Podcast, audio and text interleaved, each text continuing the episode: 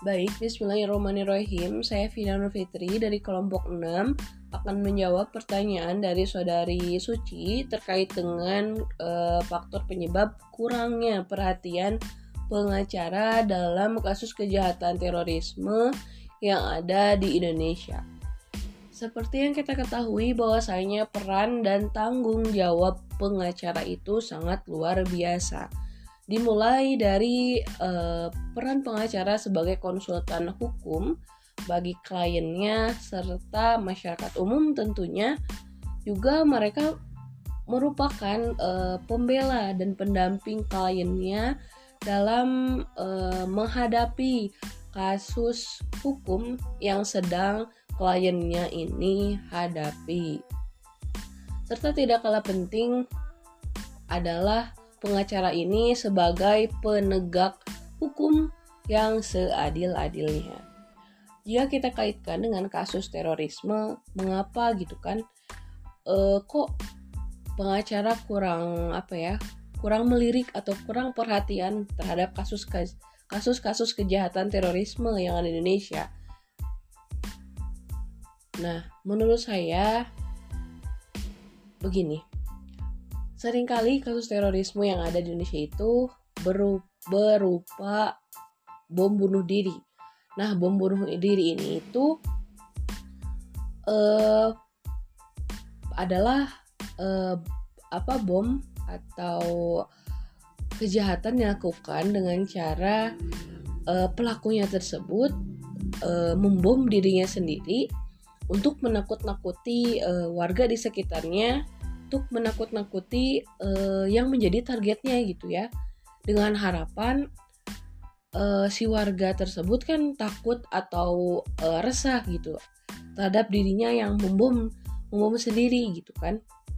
Nah jika kaitkan dengan lagi dengan uh, peran dan tanggung jawab pengacara yaitu membela dan mendampingi klien.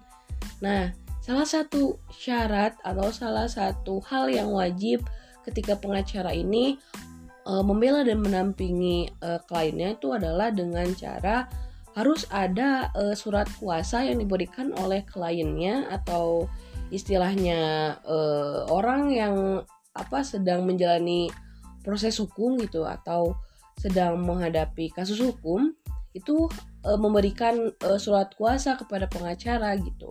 Nah, mau mau gimana gitu. Istilahnya uh, mau mau mau memberikan surat kuasa uh, bagaimana ketika pelakunya juga sudah tidak ada sudah membom dirinya sendiri dengan cara bom bunuh diri tersebut gitu.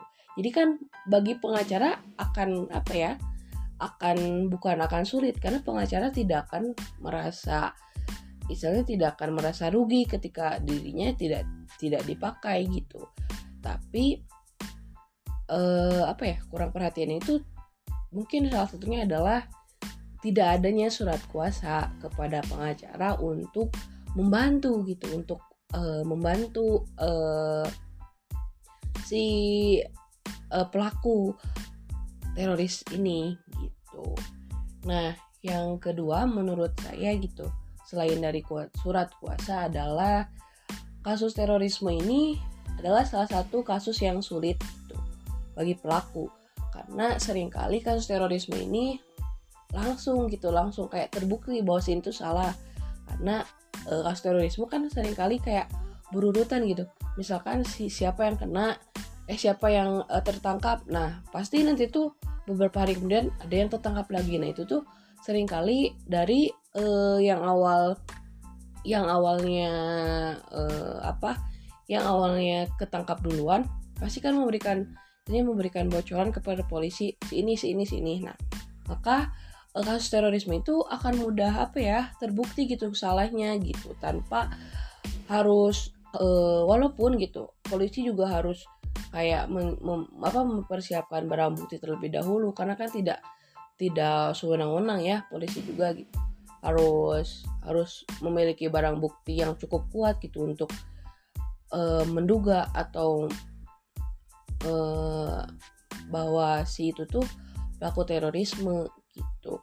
Jadi mungkin uh, pengacara juga akan susah untuk membela dan menampingi si teroris ini gitu dalam uh, kasus tindak terorisme ini gitu mungkin itu sih kalau dari aku untuk uh, kenapa kurangnya perhatian pengacara dalam menindak kasus kejahatan terorisme yang ada di Indonesia mungkin cukup sekian dari Vina.